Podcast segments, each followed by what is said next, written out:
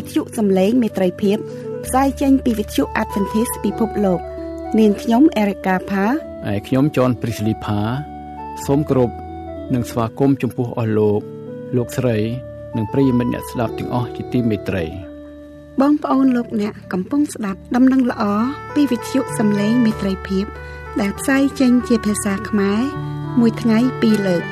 ព្រឹកពីម៉ោង6ដល់ម៉ោង6:30នាទី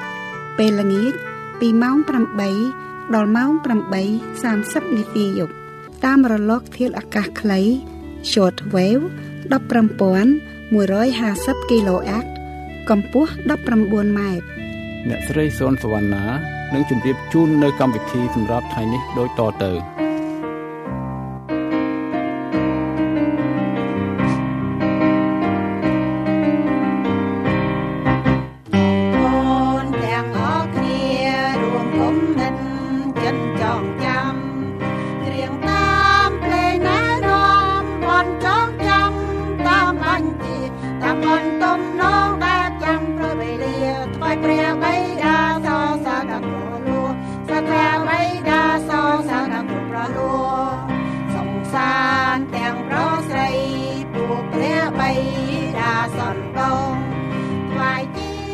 ខ្ញុំសូមគោរពអញ្ជើញបងប្អូនលោកអ្នកនិងប្រិយមិត្តទាំងអស់ស្ដាប់អត្ថាធិប្បាយ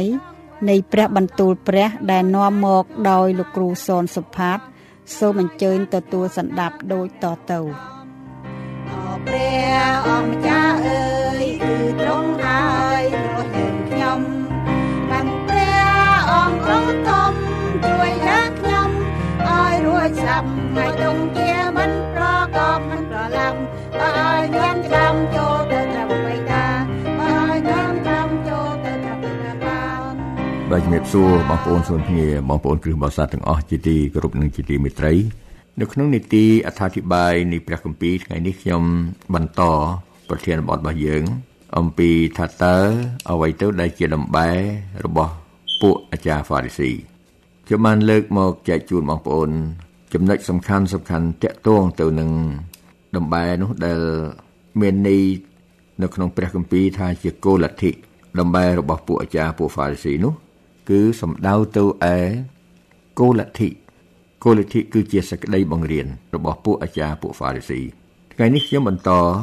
ជំលើកពីចំណុចទៀតមកជម្រាបជូនបងប្អូន ចំណុចទី1គឺយើងបន្តបន្តិចទៅទៀតអំពីថាអ្វីទៅដែលជាដំបែ អ្វីទៅដែលជាគោលលទ្ធិរបស់ពួកអាចារ្យហ្វារីស៊ីហើយនៅផ្នែកទី2ខ្ញុំនឹងជម្រាបជូនបងប្អូនឲ្យនាំឲ្យយើងទាំងអស់គ្នាបានស្គាល់ថាតើនរណាទៅដែលជាពួកអាចារ្យពួកហ្វារីស៊ីបាទពីព្រោះថានៅក្នុងសង្គមគ្រីស្ទានយើងក្តីគឺយើងតែងតែនិយាយរត់ម៉ត់ណានិយាយចាំរត់ម៉ត់អំពីពួកអាចារ្យពួកហ្វារីស៊ីនឹងឯងប៉ុន្តែបើយើងសួរឲ្យពិនិត្យ ច្បាស់លាស់សួរថាតើយើងទាំងអស់គ្នាស្គាល់ទេនរណាទៅដែលជាពួកអាចារ្យពួក Pharisee ហ្នឹងប្រហែលជាយើងស្គាល់មិនច្បាស់ទេតារាបតលតែយើងនាំគ្នាសិក្សាស្រាវជ្រាវរកមើលពីព្រោះថាអ្វីក៏ដោយតាក់ទងទៅនឹងប្រវត្តិសាស្ត្រជួនកាលរបស់ខ្លះមានចែងនៅក្នុងព្រះគម្ពីរប៉ុន្តែ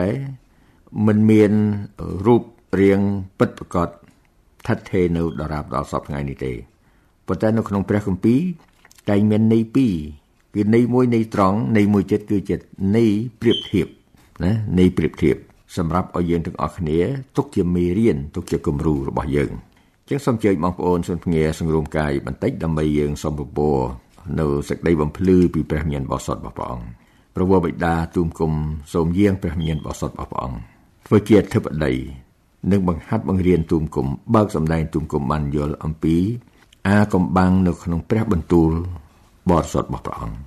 ទូមគុំសូមអធិដ្ឋានដោយនៅព្រះនាមព្រះអង្គចាស់ព្រះយេស៊ូវគ្រីស្ទអាមែនបាទពីពេលមុនខ្ញុំបានធ្វើអត្ថាធិប្បាយខ្លះរួចមកហើយអំពីអឺដំបែរបស់ពួកអាចារ្យហ្វារីស៊ីថ្ងៃនេះយើងបន្តទៅទៀតយើងទាំងអស់គ្នានឹងមើលលំអិតបន្តិចទៅទៀតអំពីដំបែ នៅក្នុងព្រះគម្ពីរមានចំណុចបរិយាយអំពីដំបែ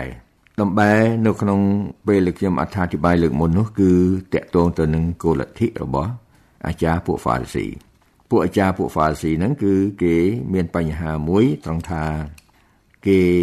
អឺបង្រៀននៅកន្លែងរបស់លោកម៉ូសេអំពីក្រិតវិន័យកាលណានិយាយពីពួកអាចារ្យគឺពួកហ្វារីស៊ី នៅក្នុងនេះហាក់ដូចជាមានពាក្យ3ម៉ាត់មិនមែនគ្រាន់តែពួកអាចារ្យពួកហ្វារីស៊ីទេប៉ុន្តែមានពួកអាចារ្យពួកហ្វារីស៊ីនិងពួកសាឌូស៊ីមានក្រុមមួយដែលគេហៅថាក្រុមអ្នកចារភាសាអង់គ្លេសហៅថា describe describe the Pharisee and the Sadducee ដូច្នេះវាមានហាក់ដូចចង់ចង់ទៅជា3ក្រុមប៉ុន្តែដោយសារនៅក្នុងព្រះគម្ពីរហ្នឹងគឺថាពួកខាង Pharisee និងពួកអាចារ្យហ្នឹងគេច្រើនតែនៅជុំគ្នាដូច្នេះហើយបានជាយើងតែងតែហៅថាពួកអាចារ្យ Pharisee អាចារ្យ Pharisee ហ្នឹងយើងដឹងហើយថាពួកគេគ្រាន់តែនិយាយប៉ុន្តែមិនធ្វើតាមទេបាទនៅក្នុងពេលដែលខ្ញុំសិក្សាស្រាវជ្រាវអំពីប្រធានបទនេះខ្ញុំឃើញមានសំណួរមួយសួរថាតើពួក Pharisee នៅមានសពថ្ងៃដែរទេខ្ញុំចង់បើក វងកញ្ចក់កន្លែងនេះបន្តិចឲ្យបងប្អូនទាំងអស់គ្នាដឹងពីព្រោះនៅក្នុងអ្នកដែលធ្វើ comment ធ្វើអត្ថាធិប្បាយមួយចំនួន គឺគេបានយល់ថាពួកអាចារ្យពួក Pharisee ហ្នឹងដែលយល់ទៅតាមគម្ពីរម៉ាថាយចំពោះ23ណាយើងមើលទាំងអស់គ្នាបន្តិចនៅខ1ដល់ខ3គ្រានោះព្រះយេស៊ូវទ្រង់មានបន្ទូលពីនឹងវងមនុស្សហើយនឹងពួកសិស្សទ្រង់ថា ពួកអាចារ្យនិងពួកហ្វារីស៊ីគេបានតាំងខ្លួនគេអង្គុយនៅទីបង្រៀនរបស់លោកម៉ូសេដូច្នេះគ្រប់ទាំងសេចក្តីណាដែលគេប្រាប់ឲ្យអ្នករាល់គ្នាកាន់តាមនោះចូលកានហើយប្រព្រឹត្តតាមចុះប៉ុន្តែកុំអោយប្រព្រឹត្តតាមអំពើរបស់គេឡើយត្បិតគេគ្រាន់តែថាតែមិនធ្វើតាមទេតែនឹងគឺមានអ្នកបកស្រាយខ្លះគេលើកមកនិយាយថាអឺពួកយើងសពថ្ងៃនេះពួកអ្នកគ្រីស្ទានហ្នឹង ក៏អាចធ្លាក់ចូលទៅក្នុងអឺចម្ពុះរបស់ Pharisee នេះបានដែរភាសាអង់គ្លេសគេថា the Christian who do not walk the talk គឺពួកអ្នកគ្រីស្ទានដែលមិនបានដើរនៅអ្វីដែលគេបាននិយាយបើសិនជាអ្នកអធិប្បាយវិញគេថា practice practice what you preach សូមអោយអនុវត្តដោយអ្វីដែលលោកអធិប្បាយ ប៉ុន្តែខ្ញុំដូចខ្ញុំសន្យាខ្ញុំបានចង់ឲ្យបងប្អូនទាំងអស់គ្នាមើលអឺបន្តិចសិនអំពីសច្ចធម៌នៅជុំវិញដំបែនិងសេចក្តីពិតយ៉ាងដូចម្ដេចបងប្អូនបើកព្រះគម្ពីរជាមួយខ្ញុំទៅគម្ពីរកូរិនថូសខ្សែទី1ជំពូក5ខ6កន្លែងនេះគឺបានចង្អុលបង្ហាញទៅនឹងលក្ខណៈមួយទៀតមិនគ្រាន់តែជាគោលលទ្ធិសក្តីបង្រៀនទេប៉ុន្តែរហូតទៅដល់ អិរិយាបថមួយទៀតរបស់អ្នកគ្រីស្ទាននៅក្រិនថូសខ្សែទី1ចំពុក5ខ6បងប្អូនទាំងអស់គ្នាមើលសេចក្តីអំនួតរបស់អ្នករាល់គ្នាមិនល្អទេតើមិនដឹងថាដំបែតែបន្តិចអាចនឹងធ្វើឲ្យម្សៅទាំងអស់ដោឡើងបានទេឬអីបងប្អូនមើលខ7មួយទៀតទៅហើយថាចូលសម្អាតដំបែចាស់ចេញដើម្បីឲ្យអ្នករាល់គ្នាបានត្រឡប់ជាដុំម្សៅថ្មីវិញ ត្បិតអ្នករាល់គ្នាបានឥតលំបែហើយព្រោះព្រះគ្រីស្ទដ៏ជាយ៉ាញ់បូជានៃបុណ្យរំលងនោះបានត្រូវថ្វាយជំនួសយើងរាល់គ្នាហើយ បានជាត្រូវឲ្យយើងធ្វើបុណ្យនេះដោយឥតមានលំបែគឺដោយសេចក្តីស្មោះត្រង់និងសេចក្តីពិតវិញមិនមែនដោយដំបែចាស់ឬនឹងដំបែជាសេចក្តីអាក្រក់និងសេចក្តីកំណាយនោះទៀតឡើយ បងប្អូនទាំងអស់គ្នាមើលកន្លែងនេះតាក់ទងទៅនឹងអិរិយាបថរបស់អ្នកគ្រីស្ទៀនទៅនឹងការប្រព្រឹត្តរបស់អ្នកគ្រីស្ទៀនដែលព្រះជាម្ចាស់មិនសពតិទេ គឺសេចក្តីអំនួតអំនួតគឺជាជាបញ្ហាមួយនៅក្នុងអ្នកដែលជឿព្រះព្រោះមានបទបន្ទូលព្រះទ្រង់មានបន្ទូលថាដូច្នេះថាព្រះនឹងលើកដំកើងអ្នកដែលបន្ទាបខ្លួនហើយទ្រង់នឹងបន្ទាបចុះអ្នកដែលមានអំនួត ដូច្នេះកន្លែងនេះគេថាអំនួតនឹងប្រៀបដូចជាម្សៅមួយដុំតូចពេលណាដាក់ដំបែឡើងវាដោឡើងធំ ពេលណាមានអំនួតមនុស្សយើងគឺតែងបំពងខ្លួនលើសពី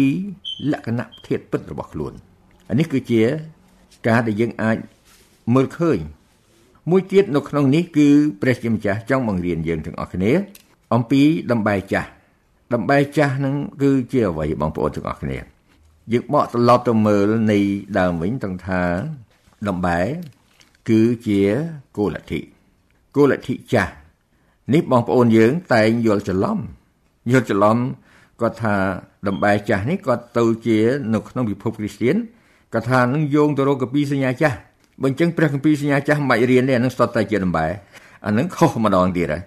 ពីព្រោះបងប្អូនគាត់នឹងបើមិនរៀនកាពីសញ្ញាចាស់ធ្វើដូចម្ដេចឲ្យយើងស្គាល់ នៅការដែលប្រវត្តិនៃការបង្កបង្កើតលោកដ៏សំខាន់បំផុតនៅក្នុងរយៈពេល7ថ្ងៃនៃសប្តាហ៍បង្កបង្កើតលោកដូច្នេះការណាដែលយើងធ្វើគ្រាន់តែនឹកស្មានហើយនឹងដើម្បីតម្រូវនឹងស្ថានភាពរបស់យើងជួនកាលវាធ្វើឲ្យយើងទៀសចេញពីសេចក្តីបង្រៀន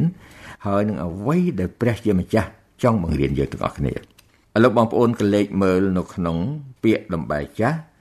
រួចហើយត្រឡប់ជាដុំម្សៅហើយអ្នករាល់គ្នាបានអិតដំបែហើយបងប្អូនទាំងអស់គ្នាមើលព្រោះព្រះគ្រីស្ទ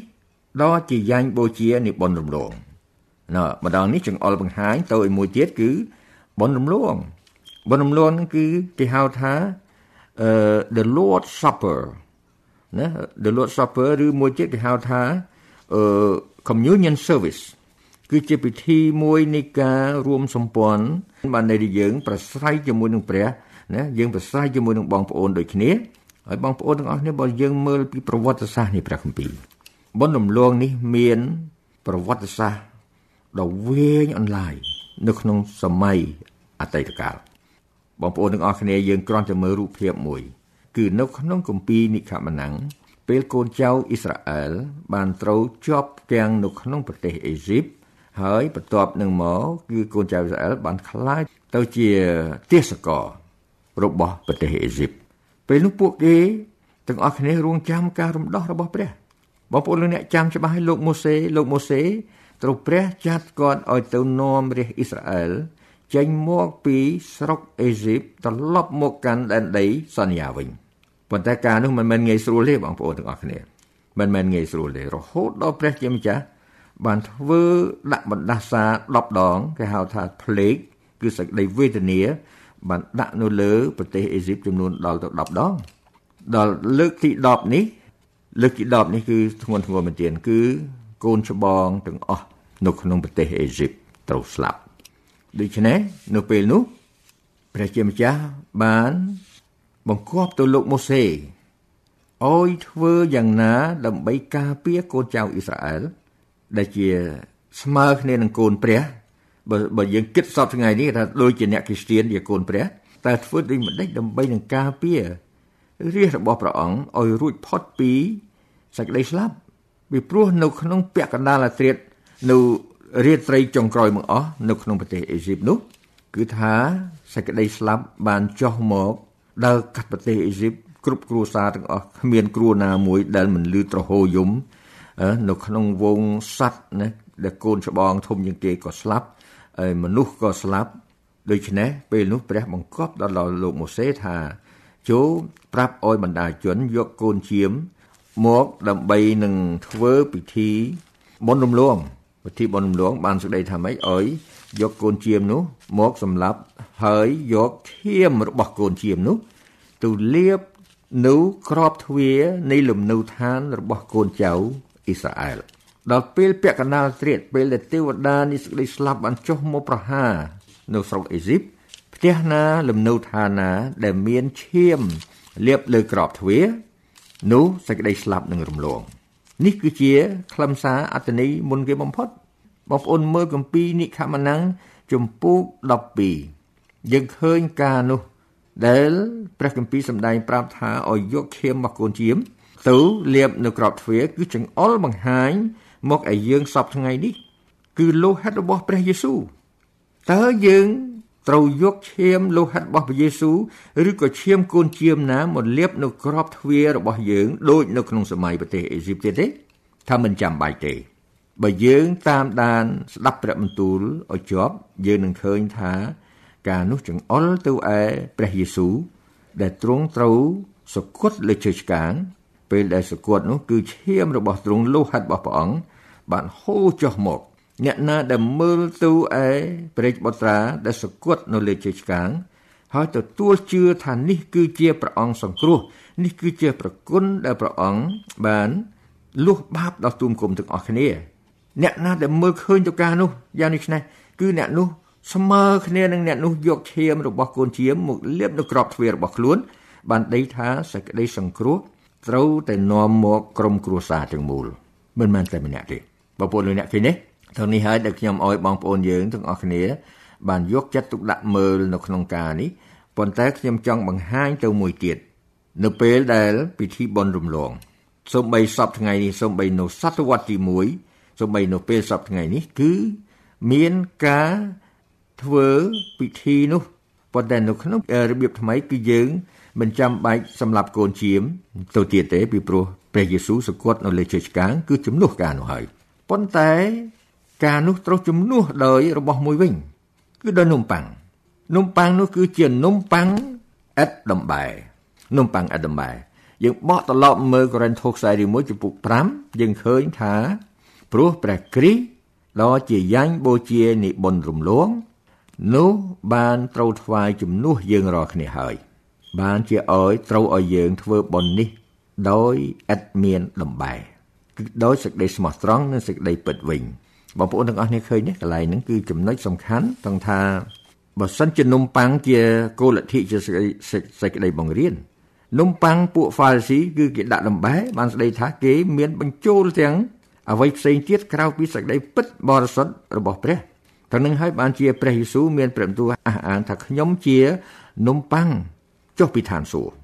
នំប៉័ងចុះពីឋានសួគ៌គឺតំណាងដោយនំប៉័ងឥតដំបែចាំបានថាយើងមើលឃើញមែនទែនបងប្អូនទាំងអស់គ្នាបងប្អូនគ្រូបោះសັດខ្ញុំឃើញបងប្អូនខ្លះមិនបានពិចារណាទេបងប្អូនយកនំប៉័ងមកមែនទែនកាច់បេះអោយចែកគ្នាហូបទៅនៅក្នុងពិធីបុណ្យរំលងអ្នកខ្លះថាណែដុំនឹងតូចណាស់ឲ្យខ្ញុំធំយ៉ាងនឹងតិចមក ប៉ុន្តែនោះគឺជានិមិត្តរូបនិមិត្តរូបនៃព្រះកាយរបស់ព្រះយេស៊ូវនៅពេលដែលយើងលើកនំប៉័ងឡើង នៅក្នុងពិធីបុណ្យរំលងគឺយើងមាននៃមានការសញ្ជឹងគិតទៅលើពីរយ៉ាង ទី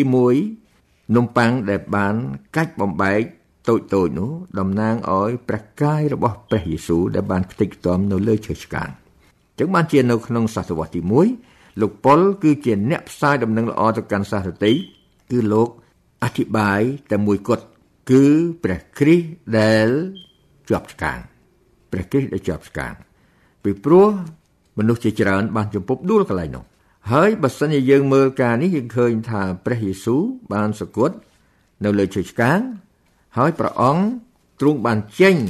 ប្រជញ្ញរបស់ព្រះអង្គជាថ្លៃលុះបាបយើងទាំងអស់គ្នា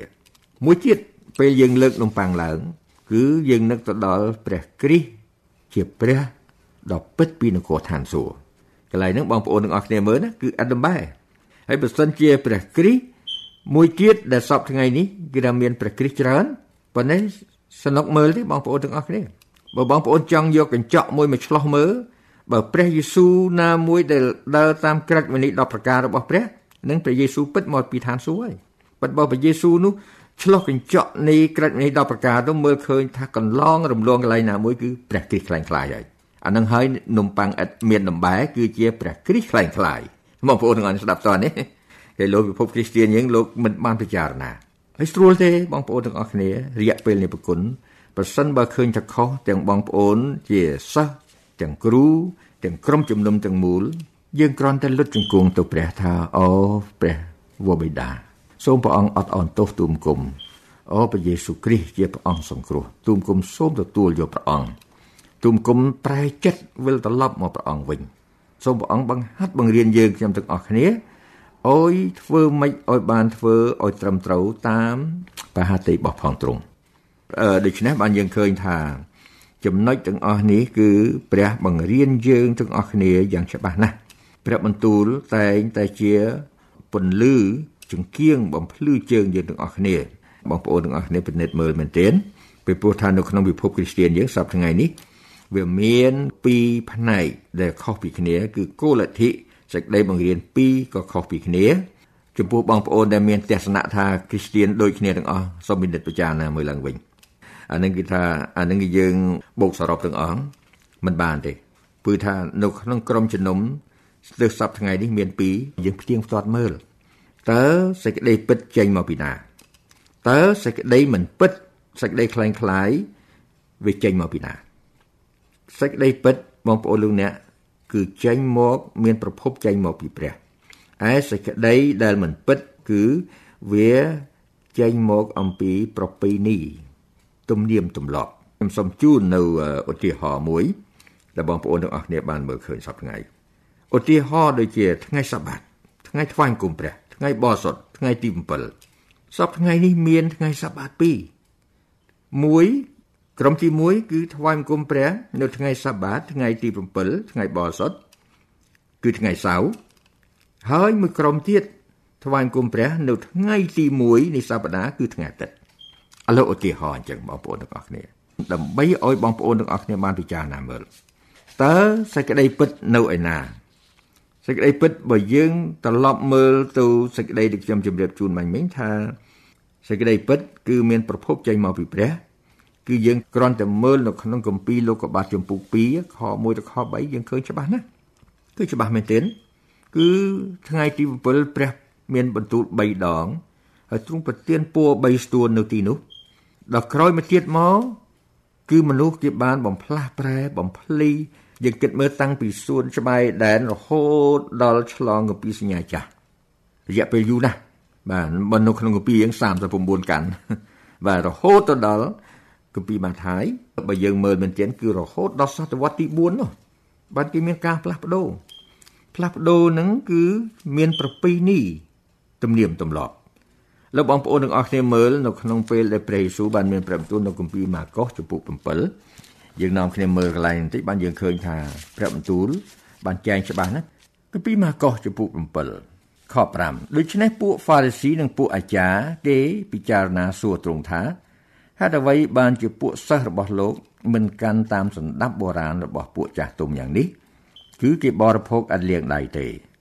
តែទ្រង់ឆ្លើយតបថា ពួកអ្នកមានពុតអើយហោរាអេសាយបានទាយពីអ្នករាល់គ្នាត្រូវណាស់ ដូចជាមានសេចក្តីចែងទុកមកថាជនជាតិនេះ គេគោរពប្រណិប័តអញតែបបោមកទេឯចិត្តគេនៅឆ្ងាយពីអញណាស់ដែលគេថ្វាយបង្គំអញដោយបង្រៀនសេចក្តីបញ្ញត្តិជារបស់មនុស្សនោះជាអត់ប្រយោជន៍ទៅទេត្បិតអ្នករាល់គ្នាលះចោលបញ្ញត្តិរបស់ព្រះទៅកាន់តាមសន្តាប់មនុស្សវិញដូចជាការលាងឆ្នាំងលាងពេងនោះហើយនឹងរបៀបយ៉ាងនោះជាច្រើនទៅទៀត ទ្រង់ក៏មានបន្ទូលទៅថាទៅគេថា អ្នករាល់គ្នាលះបង់ចោលបញ្ញត្តិព្រះមែនដើម្បីនឹងកាន់តាមសន្តាប់របស់ខ្លួនវិញបងប្អូនលោកអ្នកឃើញកន្លែងហ្នឹងទេកន្លែងនេះពេលដែលព្រះយេស៊ូវបានមានព្រះបន្ទូល គឺមានការនោះកើតឡើងប៉ុន្តែព្រះបន្ទូលរបស់ព្រះដែលចែងនៅក្នុងពេលព្រះអង្គមានប្រជញ្ញរស់នៅលើផែនដីនេះក្តីគឺមកសម្រាប់យើងសប្តាហ៍ថ្ងៃនេះគឺជាបទទំនាយកាលណាបទទំនាយគឺត្រូវតែមានការបំពេញ ដូច្នេះអ្វីដែលព្រះយេស៊ូវមានព្រះបន្ទូលនៅពេលនោះ កំពុងតែបំពេញជារៀងរាល់ថ្ងៃនេះ fulfill every day បងប្អូនឃើញទេទាំងអស់គ្នាពិចារណាមើលឃើញទេតើដំបែពួក Pharisee នឹងបានន័យថាម៉េចគឺសេចក្តីបង្រៀនរបស់ពួក Pharisee សពថ្ងៃនេះយើងមើលឃើញបទបន្ទូលបានសម្ដែងយ៉ាងច្បាស់លោកបងប្អូនមើលជាមួយខ្ញុំមើលដល់ពេលត្រឡប់ទៅមើលនៅគម្ពីរម៉ាថាយចំពុក5យើងឃើញថា make a lot of sense មានន័យមែនទៀតមានន័យមែនទៀតបងប្អូនមើលនៅក្នុងអឺចំពុក5ខ17កុំអោយគិតស្មានថាខ្ញុំមកដើម្បីនឹងលើកក្រាច់វិន័យឬទំនាយពួកហោរាចោលឡើយខ្ញុំមិនមែនមកនឹងលើកចោលទេ គឺមកនឹងធ្វើឲ្យសម្រេចវិញខ18ថាបិទខ្ញុំប្រាប់អ្នករាល់គ្នាជាប្រកាសថានឹងគ្មានបាំងឈើមួយឬក្បៀសមួយនៅក្នុងក្រិតវិនីត្រូវបាត់ឡើយដល់រាប់ដល់កាលណា មេឃនិងផែនដីបានកន្លងបាត់ទៅគឺតលតែសក្តីទាំងអស់បានសម្រេចដោយសពគ្រប់ខ19ដូច្នេះអ្នកណា ដែលនឹងរំលងបត់ណាមួយសូមបីយ៉ាងតូចបំផុត ក្នុងបញ្ញត្តិទាំងនេះ ហើយបង្រៀនមនុស្សឲ្យធ្វើដូច្នោះដែរនោះនឹងត្រូវហៅជាអ្នកតូចបំផុតក្នុងនគរឋានសួគ៌តែអ្នកណាដែលកាន់តាមហើយបង្រៀនចំពោះបញ្ញត្តិទាំងនេះ នោះនឹងបានហៅជាអ្នកធំក្នុងនគរឋានសួគ៌វិញបងប្អូនឃើញទេឥឡូវនេះយើងមើលឃើញក្រិតវិនិច្ឆ័យ10ប្រការហ្នឹងក៏អាចទៅជាដំបែរបស់ពួកអាចារ្យហ្វាស៊ីដែរគឺបានស្ដីថាគេបន្ថែមគេបន្ថយគឺជាគោលលទ្ធិរបស់គេដែលមិនបង្រៀនទៅតាមសេចក្តីត្រឹមត្រូវរបស់ព្រះគម្ពីរអញ្ចឹងយើងបញ្ចប់ប៉ុណ្្នឹងចុះខ្ញុំសូមបញ្ចប់ដោយអាននៅព្រះគម្ពីរមួយខជាមួយគ្នាបងប្អូន បុសូមបងប្អូនបើកទៅព្រះគម្ពីរកូឡូសជំពូកជំពូក2ខ8ចូលប្រយ័ត្នក្រែងមានអ្នកណាចាប់អ្នករាល់គ្នាធ្វើជារំពាដោយពាក្យបរមត្តនិងពាក្យបញ្ឆោតជាអាសាអត្ការតាមសន្តាប់បុរាណរបស់មនុស្សតាមបឋមសិក្សានៅនាលោកីគឺមិនមែនតាមព្រះគ្រីស្ទទេសូមព្រះជាម្ចាស់ប្រទានពរបងប្អូនសូមគ្នាជាបរិបូរណ៍អាមែនមាន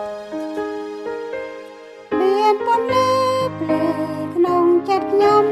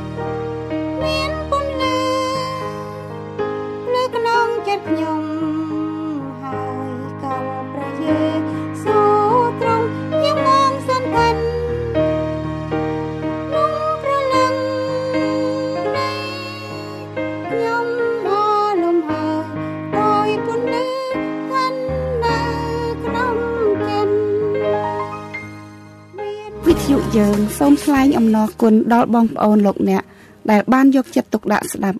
កម្មវិធីយើងខ្ញុំនៅថ្ងៃនេះសូមព្រះជាម្ចាស់ប្រទានព្រះពរជាបរិបូរណ៍